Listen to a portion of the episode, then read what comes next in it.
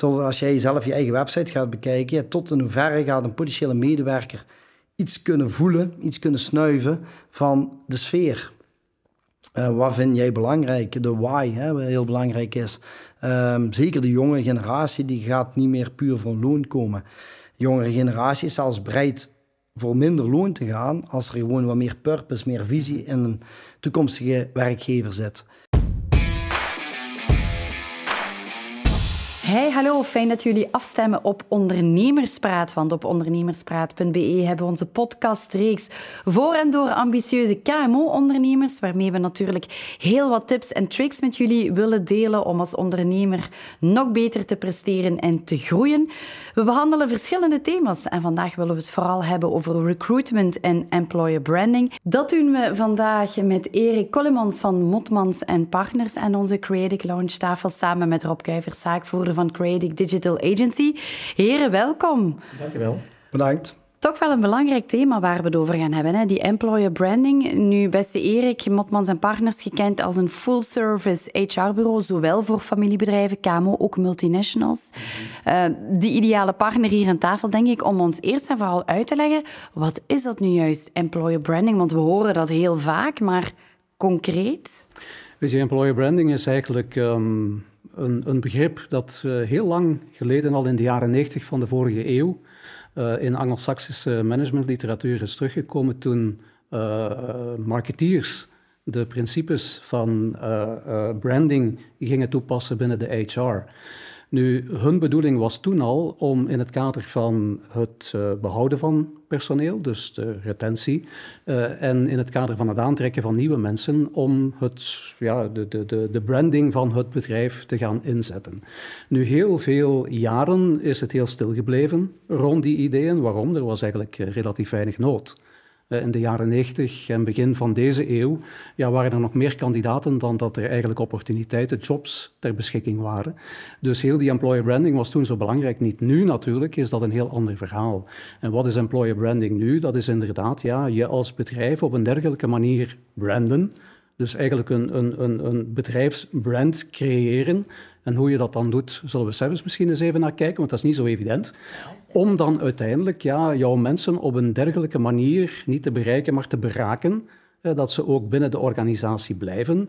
En door het feit dat die um, um, tevreden eigen medewerkers ook naar buiten gaan treden met dat hele mooie bedrijfsverhaal, ook op die manier externe potentiële kandidaten aanspreken om op die manier makkelijker uh, nieuwe mensen aan te werven. Ja, dus dat wat je normaal doet, hè, het branden van je product of dienst voor klanten te behouden en aan te trekken, is het nu ja, hetzelfde doen, maar van jouw eigen bedrijf. Ja, klopt. Voor medewerkers. Dus het behelst zowel HR als marketing. Ja, klopt. Ja. Weet je, initieel zijn er wel wat bedrijven geweest die dachten van kijk, laat ons een, een marketingbureau aanspreken, laten we creating aanspreken, om ergens een mooie website te creëren met een zeer mooi verhaal, dat wij op een duurzame manier met, met, met, met, met begrip voor en, en, en, en, en, en heel veel goede bedoelingen met onze medewerkers eh, bezig zijn. Heel mooie fotoreportages en dergelijke uh, visualiseerden. Maar vergaten dat dat bedrijf, dat dat, dat, dat, uh, dat, dat beleid eigenlijk vanuit het interne moet komen. Dus uh, datgene wat ze naar buiten brachten, leefde intern niet. En dat werkt niet natuurlijk. Hè. Dat is ook uh, practice what you, you preach. Hoe gaan we concreet aan de slag? Want ik weet dat ze bij Creative ook heel erg bezig zijn hè, als jong, tof, dynamisch, snel groeiend bedrijf. Ik veronderstel dat die employer branding nu ook niet iets is waar je eenmalig op inzet. Nee, dat is een gegeven dat, dat, dat moet geïmplementeerd, dat moet leven binnen het bedrijf en dat moet continu, consistent leven ook. Dat moet zelfs een crisistoets doorstaan. In, in, in goede tijden is het als bedrijf relatief makkelijk om ergens vergaand, uh, employee-centric, want daar komt het op neer, te gaan denken en te gaan handelen. Het wordt natuurlijk iets moeilijker in economisch iets uitdagendere tijden om daar consistent en consequent in te blijven. En als die crisistoets niet doorstaan wordt, ja, dan is de geloofwaardigheid weg. En als geloofwaardigheid weg is, ja, dat werkt zoiets niet meer natuurlijk. Misschien ook wel de grote uitdaging, zeker voor KMO's. Um, heel vaak wordt er pas aan gedacht, employer branding, als het echt nodig is. Hè? Als het mhm. nooit aan de man is.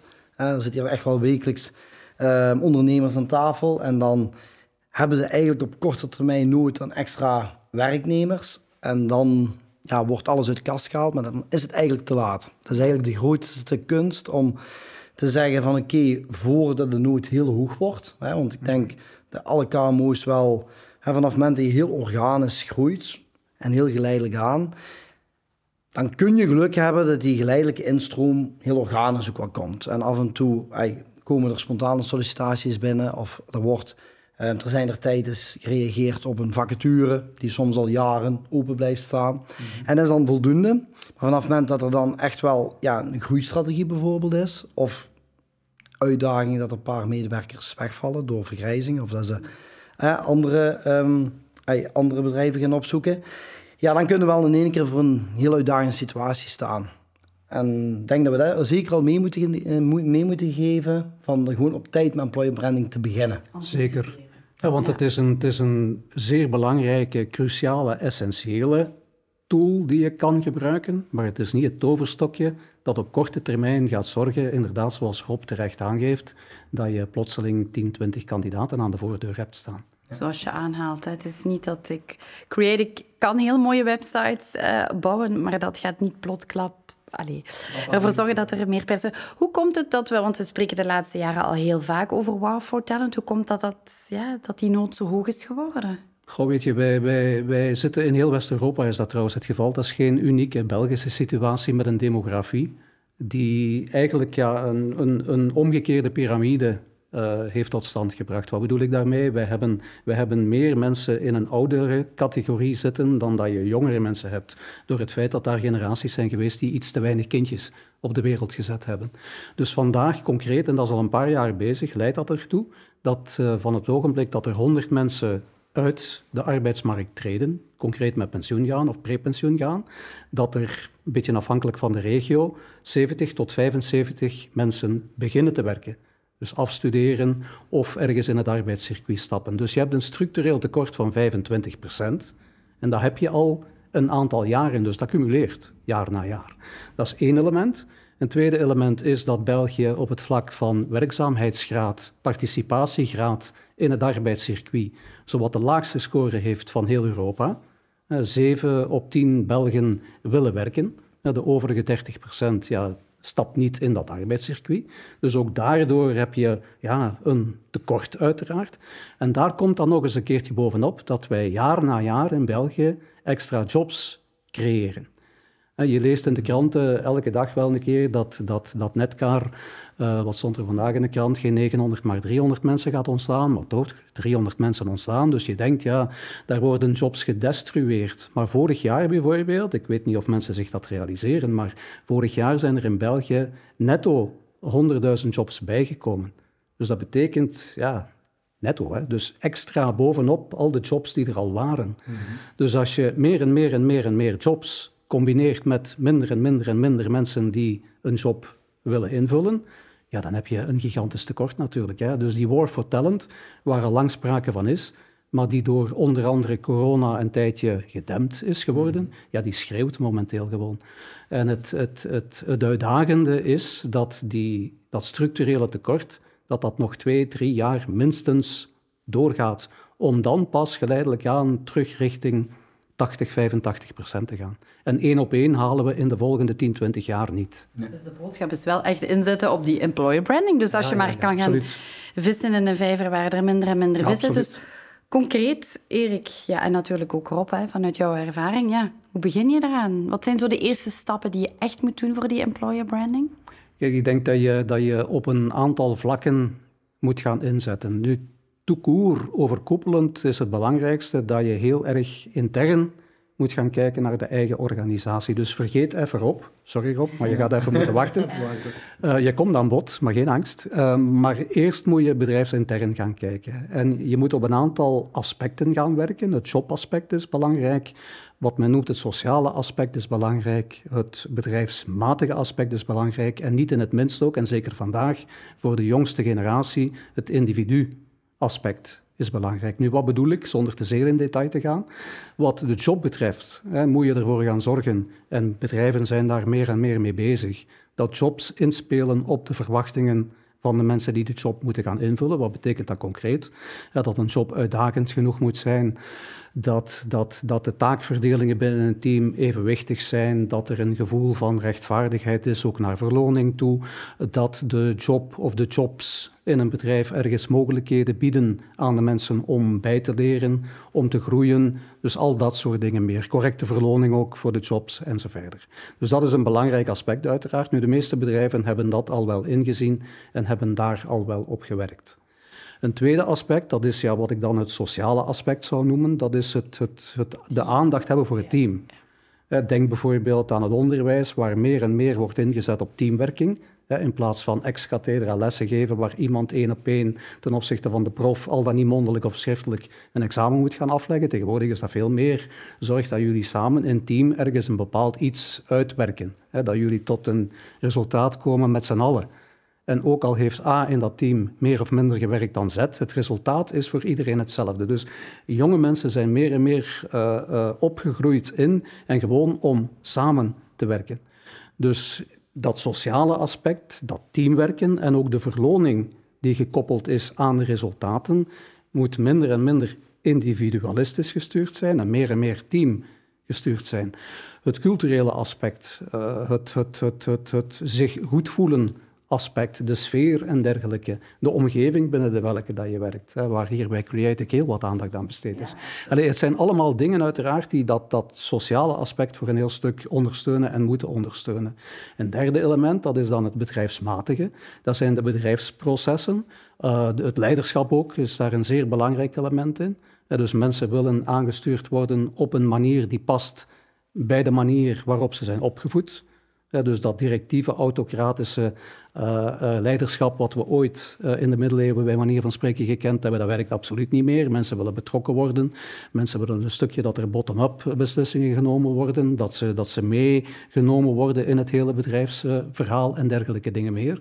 Dus al dat soort van bedrijfsprocessen, en dat gaat ver uiteraard, die moeten inspelen op de noden en de verwachtingen van de mensen die komen werken of aan het werk zijn in het bedrijf. Dus dat is die employee-centric manier van denken, die naast de customer-centric manier van denken, want die is ook belangrijk uiteraard nog altijd, want als bedrijf heb je klanten die tevreden moeten zijn. Maar net zozeer als die klanten, moeten die medewerkers tevreden zijn. En een vierde aspect, of een vierde component, of een vierde dimensie, noem het zoals je wil, die er de laatste jaren meer en meer is bijgekomen, en dat heeft veel te maken met de verwachtingen van de jongste generatie, die men ook wel eens de generatie van de egoïsten noemt. Sorry voor jonge mensen die toevallig deze, of niet toevallig, deze podcast aan het bekijken zouden zijn. Neem het vooral niet persoonlijk, maar um, die generatie wordt een generatie van egoïsten genoemd. Dus die willen dat zij als individu een stukje geserviced worden. Vandaar dat jobcrafting ook meer en meer een term begint te worden waar rekening mee gehouden wordt. Dus eigenlijk de job en de context en de voorwaarden, noem maar op, worden eigenlijk een stukje in functie van de individuele verwachtingen, noden, um, um, ja, opgemaakt of, of, of, of, of voorgelegd. Ja. En niet iedereen heeft dezelfde behoeften. Eén accountmanager kan bijzonder carrièregericht zijn, een andere accountmanager die evengoed en geweldig en misschien beter een job wil en kan doen heeft vier kinderen, wil die carrière niet hebben, maar wil een stukje meer work-life balance of uh, flexibiliteit geboden krijgen en dergelijke dingen meer. Mm. En dat soort van individuele verwachtingen, wensen, eisen, ja, dat zijn zaken die meegenomen moeten worden in dat hele interne gebeuren. Dat dan, als je ergens een manier van werken, een pakket aan policies, uh, gewoonten, noem het zoals je wil, hebt uh, neergeschreven, bepaald, binnen een directieteam of een managementteam, dan moet dat geïmplementeerd worden in alle bedrijfsprocessen en in het hele leiderschap. Want ja, het kan niet zijn dat vier van je managers al dus gaan handelen en de vijfde haaks daarop op een andere manier gaat werken. Dus het moet consistent geïmplementeerd en toegepast worden en dan mag je erop bellen. Ja, maar uh, wat ik nog wel graag wil weten, hè, dus Erik, je hebt net die vier stappen omschreven. We beginnen met jobinhoud, werken in een team, manier van leiderschap. Is dat vierde puntje, dat werken op het individu net niet, want wij houden deze podcasts voornamelijk hè, voor KMO's. Is dat net niet een moeilijk punt voor de KMO die dan denkt goh, moet ik voor ieder van mijn, mijn teamleden ook nog eens een op maat uitgewerkte dossier gaan hebben over hoe hij of zij wil werken, welke work-life balance. Uiteraard. Hoe zie jij dat, Rob? Want ja, vanuit jouw KMO, is dat net niet heel moeilijk om Dat vraagt sowieso een, toch wel een, veel intensiteit. Hè, als je dat echt wilt gaan doen. Um, flexibiliteit. Ja, ja. Maar het is, het is, ik denk dat je het ook niet te zwaar moet maken. Denk als je gewoon empathisch leiderschap, waar toch wel steeds vaker ondernemers zijn eigen bewust van zijn. En, en waar we eigenlijk toch allemaal wel snappen dat we van vandaag empathisch leiderschap moeten tonen op de werkvloer. Dan ga je daar van een heel groot deel ook al bewust doen. Hè? Ehm, maar het is ook wel gewoon ook wel weer een keuze. hoe ver wil je daarin gaan? hè? hè? Dus, maar hoe, dus- hoe pak je dat aan? Je hebt hier toch ook een team van heel veel mensen, verschillende mhm. mensen. Ja, of welke tips hebben jullie om er toch ik denk dat je toch, ik denk dat je eigenlijk voor je eigen, zo heb ik het hier in ieder geval gedaan. Ehm, ik heb een paar jaar geleden, toen we echt wel heel intens met de cultuur zijn gestart, ik denk nu vier jaar geleden. Toen heb ik eigenlijk met ehm, de coach waar we toen mee werkten, heb ik eigenlijk een evaluatie laten maken. Um, gewoon voor mij als leider. Hè? Dus die heeft eigenlijk de medewerkers die er toen waren, met iedereen een gesprek gehad van denk anderhalf uur, om mij als leider te laten evalueren. Um, ja goed, dat is wel confronteren, maar er komt eigenlijk heel veel informatie uit. Hè? En dan merk je ook wel, wordt als leider ook wel heel erg bewust van, wordt er net gewaardeerd, er wordt er net geapprecieerd. Hè? waar zijn mensen ook weer net heel tevreden van? Um, en dat kun je ook wel weer gaan gebruiken om op verder te gaan bouwen. En zaken waar je misschien wat kritische feedback op krijgt, ja, neem je ook mee. En dan van daaruit denk ik dat je een kader moet maken. En dat je echt wel zegt van, kijk, goed, dit is toch wel de visie, want je kunt niet op alles inspelen. Ik denk niet dat je dat als ondernemer moet willen. Ondernemer moet echt wel een heel duidelijke visie hebben, een heel duidelijk kader. Van kijk, zo doen we het binnen onze visie, binnen onze cultuur. En daar wijken we ook niet van af. En binnen dat kader, daar kun je dan denk ik wel uh, ja, de ruimte gaan zoeken van oké, welke flexibiliteit willen we dan toch wel gaan bieden aan de medewerkers? Of, en dan moet ik wel gewoon uit ervaring zeggen, we werken hier bij Creative natuurlijk met heel veel creatieve mensen. Als je binnen dat kader maximale vrijheid geeft, dan worden de resultaten ook gewoon beter. Mensen zijn productiever, de kwaliteit, de output is ook gewoon beter. Um, dus ik denk dat het wel de moeite is om dat toch wel eens op te gaan zoeken. Weet je, extremen zijn nooit goed. En ook hier moet je uiteraard niet te extreem ingaan. En wij hebben zelf ook als Motmans en Partners een 30, 35 tal mensen op de payroll. En geloof me vrij, ook wij hebben zelf geen à la tête du client individueel beleid voor elke medewerker. Dat werkt niet.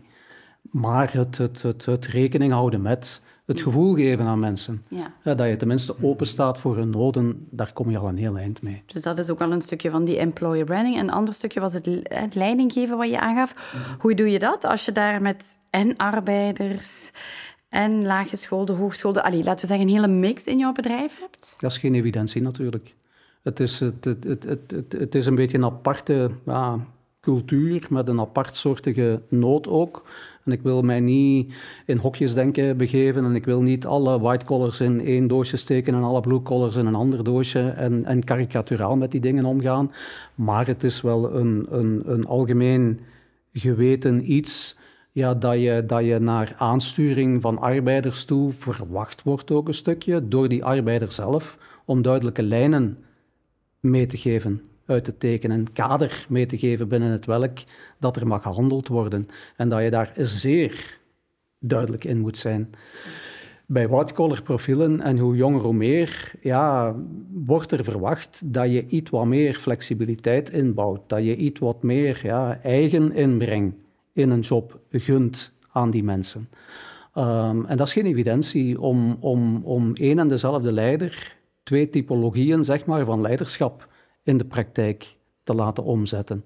Maar ook hier weer, net zoals daarnet, is het belangrijk dat je rekening houdt met, met een stukje de noden en de verwachtingen van degene die je in het eerste geval in dienst hebt en in dit geval met degene die je aanstuurt.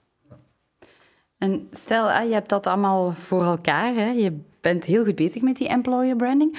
Via welke kanalen moet je dat dan? Want tot nu toe hebben we het gehad over de mensen die al aan boord zijn, maar Via welke kanalen kan je dat best uitspelen om nieuwe talenten aan te trekken?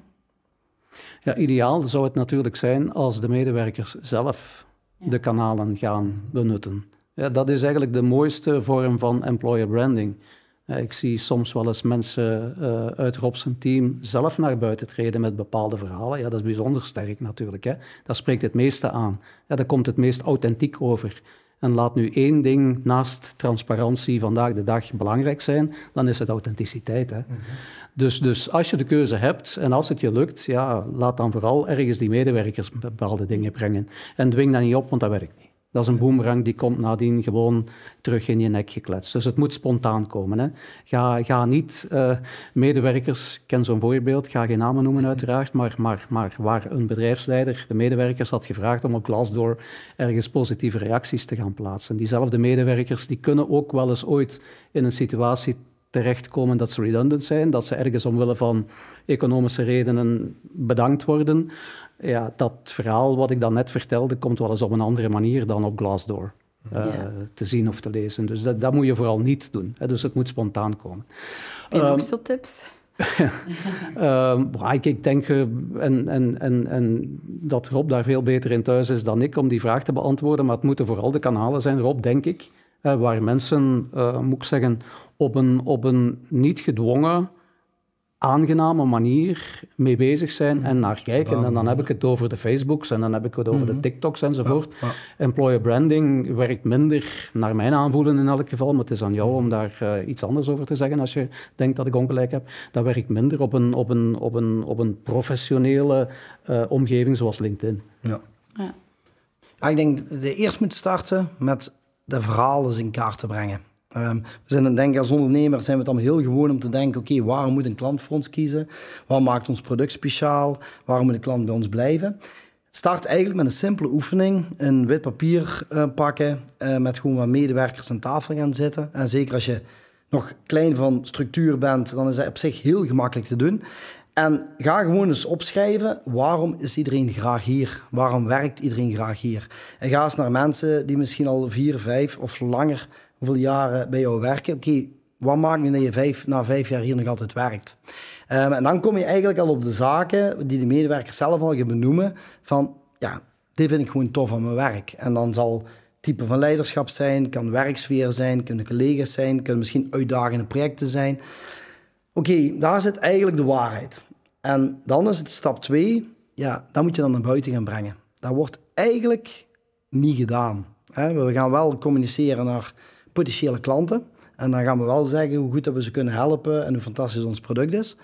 Maar we gaan eigenlijk niet tegen potentiële medewerkers praten. We gaan niet zeggen, oké, wat maakt het nu zo uniek om bij ons te gaan werken? Um, krijg heel vaak krijg ik zo'n beetje de frustratie van uh, dat ondernemers zeggen, goh, ja, bij mijn concurrent een paar straten verder, daar groeit dat team maar en ik krijg geen sollicitaties. Ja, oké, okay, onze reflectie in. En ga ook eens kijken naar hun communicatie. Wat communiceren ze dan? Waarschijnlijk doen ze intern niet misschien alleen maar beter employer branding, maar misschien communiceren ze ook veel beter. Hè? Tot als jij zelf je eigen website gaat bekijken, ja, tot in hoeverre gaat een potentiële medewerker iets kunnen voelen, iets kunnen snuiven van de sfeer. Uh, wat vind jij belangrijk? De why, hè, wat heel belangrijk is. Um, zeker de jonge generatie, die gaat niet meer puur voor loon komen jongere generatie zelfs bereid voor minder loon te gaan als er gewoon wat meer purpose, meer visie in een toekomstige werkgever zit. Dus deelde dan ook. Ik zal ook een beetje reclame maken voor de potentiële medewerkers die deze podcast bekijken. Dus we hebben nu zelf uh, Creative.jobs gelanceerd. Hè? Dus onze eigen employer brand website. Ook wel gewoon wat ik helemaal in het begin van de podcast zei, is we hebben een tot op heden hebben wij de mensen eigenlijk heel fijn kunnen recruiten op een heel organische manier. We hebben natuurlijk altijd al redelijk veel van onze cultuur naar buiten gebracht. Naarmate dat we eigenlijk steeds sneller gaan groeien en ook steeds meer nood hebben aan continue ja, binnenkomen van potentiële uh, talenten, zijn we ook meer met onze cultuur naar buiten aan het komen. dus een paar jaar geleden ging ik nooit niet in op, op vragen om daar eens een keynote over te geven of daar eens een interview mee te werken. Toen lag echt wel onze focus puur op het groeien met klanten naarmate dat wij begonnen te merken van, goh, het is toch steeds lastiger om talent te vinden en aan te werven, ja, zijn we ook strategischer meer die kansen gaan benutten en meer met onze cultuur naar buiten gaan komen. En dan zie je eigenlijk al, vandaar ook, mede ook deze podcast, dan zie je al dat, dat medewerkers daardoor steeds gemakkelijker aangesproken worden. En nu hebben we eigenlijk, uit het nieuwste initiatief dan eigenlijk een employer brand website. Ik zou zeggen, bezoek hem eens een keertje, dan kunnen we wel door geïnspireerd worden. En uh, ja, ik denk dat daar alles heel mooi samenkomt. Dus daar laten we eigenlijk heel veel het gevoel En nemen mensen mee in het gevoel, oké, waar staat Creative voor? Ehm, we zetten daar echt collega's in de kijker. Uh, we hebben een paar hele mooie video's gemaakt, waarin dat we echt gewoon een dag meegaan in ja, hoe beleeft een werknemer hier een werkdag. Maar dat ze zelf ook heel authentiek getuigen van oké, hoe heb ik zelf eigenlijk mijn eigen ontwikkeld de afgelopen jaren. Dat is ook wel een van de grootste behoeftes van een medewerker, is dat ze zijn eigen willen ontwikkelen en welke kansen krijgen ze daarvoor. Absoluut. In die piramide van Maslow staat dat toch redelijk ook bovenaan. Eh, fijn als je dat kan bereiken. Hoor ik het dan goed? Want dat is ook iets beste, Erik, wat u aan, aanhaalde of toch al eens gemeld heeft. Virginie, het is eigenlijk een bedrijf, of Rob, je hebt dat ook gezegd, hè? het is eigenlijk het bedrijf dat zich moet verkopen bij sollicitaties. Dat is wel een interessante insteek voor die KMO's. Die... Ja, klopt. Ja. 10, 15 jaar geleden was het zo dat je ergens met een vacature naar buiten ging. Het post-and-pray-principe. Je kreeg daar reacties op. En dan liet je die mensen de revue passeren om dan uh, met een bepaalde vorm van inquisitie, sommigen gingen daar heel ver in, om die mensen op de rooster te leggen, om dan te kijken wie de jaren waren Jacob of Jacoba zou zijn die dan het geluk heeft om in de functie te mogen stappen. Ja, tegenwoordig komen kandidaten, als ze al willen komen, als je ze al onder andere door een goede employer branding uh, weet naar je toe te trekken, die komen luisteren hè, naar jouw verhaal. Dus je, je moet inderdaad je ervan bewust zijn. Uiteraard moet je mensen ook bevragen en uiteraard moet je te weten komen of ze passen in de organisatie en of ze de functie aan kunnen. Uiteraard is dat zo. Maar daarnaast en niet in het minst moet je ook de eigen organisatie en de job verkopen. Mhm. Want uh, als werkgever moet je er rekening mee houden. Mensen hebben keuze zat. Hè. Um, um, kijk gewoon op, op, op Jobfeed of, of ergens een andere uh, tool waar je een listing kan terugvinden van vacatures elke vacature in een straal van 10, 20 kilometer rond je eigen gewoonte, daar, uh, gemeente. Pardon, daar zijn minstens 100, 200 uh, uh, vacatures plaatsen van de werkstelling voor terug te vinden. Dus mensen hebben keuze zat. Mm je had daar ook een interessante insteek van. Ja, misschien een tip hè, voor de KMO's die kijken en die bezig zijn met recruitment. Toch een beetje doorhebben dat de persoon die komt solliciteren al wat weet over jouw bedrijf, hè, jouw KMO? Mhm. Ja, merken wij de laatste jaren dat we meer en meer inzetten op employer branding. Um, wat een heel mooi effect daarvan is, is als mensen komen solliciteren. We hebben ook steeds vaker spontane sollicitaties. Wat we toch wel merken dat echt wel de kwalitatiefste zijn. Hè, die werken al ergens, zijn echt bewust op zoek naar een nieuwe uitdaging. Kiezen ook wel bewust voor een bepaalde cultuur, voor een bepaalde visie. Dus die komen bewust spontaan solliciteren. En dan zie je ook wel dat een medewerker ook wel daar heel veel tijd in steekt. Um, wij merken dat ze al podcasts hebben geluisterd, dat ze eigenlijk al um, getuigenissen van medewerkers hebben gekeken. Um, je weet eigenlijk al heel goed met welke coaches dat we werken. Dat ik heel vaak van een coach hoor van, hey, is hij bij jou op sollicitatie geweest? Ik zeg, hoe weet je dat? Ja, die is me sinds gisteren op LinkedIn gaan volgen. Dus een medewerker die gaat daar op zich, de dag van vandaag, die is ook echt op zoek naar die informatie. En als hij die informatie allemaal niet vindt en er is geen transparantie en die kan dat van tevoren eigenlijk al niet goed aanvoelen, ja, dan verhoog je eigenlijk al heel ja, enorm de drempel om bij jou te gaan solliciteren. Dat is toch hetgeen wat ik wel heel erg merk. Ja, klopt. heb jij nog zo echt praktische tips ter afsluiting van employer branding? Wat kunnen we doen? Wat moeten we doen? Oké, om te beginnen zou ik zeggen, zorg dat je houdt wat je hebt. Klinkt een beetje belachelijk misschien, maar geloof me vrij, daar wordt niet altijd evenveel aandacht aan besteed. Die hoofd van de binnendienst verkoopt, als hij zijn werk goed doet, ook al heeft hij dan de ambitie om externe verkoper te worden, ga geen probleem creëren, laat hij zijn werk daar maar doen. Maar dat is dan de persoon die Daags bij ons aan tafel zit om voor een ander bedrijf te kandideren. Dus allee, daar moet men zich zeer goed van bewust zijn dat men eerst al moet verzorgen wat men in huis heeft. Um, en vervolgens, vooraleer dat je um, gaat aantrekken, denk ik dat je ook eens moet afvragen. Want kijk, heb ik, heb ik sorry voor de, voor de beeldspraak, maar heb ik nu een boormachine nodig? Of heb ik een gat in mijn muur nodig? Ik bedoel daarmee, um, als, je, als je aan marketing wil gaan doen, bijvoorbeeld, hè, stel dat je als bedrijf de eerste stappen wil gaan doen in lead generation, heb je dan een marketeer nodig? Of kan je dan gebruik gaan maken van ergens iemand die marketing uh, expertise kan gaan aanreiken? Een freelancer of een, een, een kantoor zoals Creatic. Mm en als je dan toch meent dat je op zoek moet gaan naar iemand die je aanwerft, vergeet dan het verhaal van het schaap met zes poten, alsjeblieft. Het, het, moet altijd iemand zijn met, ik zeg maar wat karikaturale dingen, een masteropleiding met minstens x jaar ervaring, die ook nog die talenkennis heeft en die enzovoort enzovoort. En dus die zes parametertjes die afgevinkt moeten worden. Wij weten uit ervaring dat je finaal eindigt, als je geluk hebt, met een schaap met vier poten. Dus begin al niet met een schaap met zes poten, want dan maak je het jezelf nog een keer extra moeilijk. En als je dan inderdaad op zoek gaat en je zoekt geen schaap met vier poten, als je mensen aan tafel hebt, zorg dan dat de waardepropositie, dat dat een, een, een juiste propositie is die inspeelt op wat Rob inderdaad terecht net aangaf. Een stukje de verwachtingen van de mensen van vandaag. Mhm. Een stukje leermogelijkheden, ontplooiingsmogelijkheden, een stukje duurzaamheid, een stukje ja, een, een, een waarde- en normenpatroon waar mensen zich in kunnen terugvinden. En verkoop dat dan ook naar die mensen toe. Wat bedoel ik met verkopen? Geef dat dan ook duidelijk aan. En dat kan je effectief doen via een employer branding campagne. En als je dat nog niet hebt, vertel het dan uh, op zijn minst. Naast het bevragen van die personen, wat je uiteraard ook moet blijven doen. Wauw.